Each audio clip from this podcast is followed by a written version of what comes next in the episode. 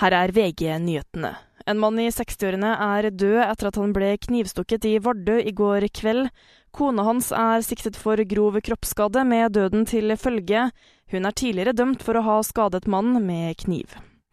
I Trondheim skal en mann ha blitt utsatt for vold og trusler på en adresse i Midtbyen. Politiet har fått kontroll på noen personer. Én skal ha vært bevæpnet med slagvåpen. To personer er fremdeles på sykehus etter gasslekkasjen ved lokalene til det svenske sikkerhetspolitiet i går. Til sammen ble åtte personer innlagt. Ifølge Aftonbladet og Ekspressen skal gassmålere ha gitt utslag for den svært giftige gassen fosgen, som bl.a. ble brukt under første verdenskrig, men opplysningene er ikke bekreftet av politiet.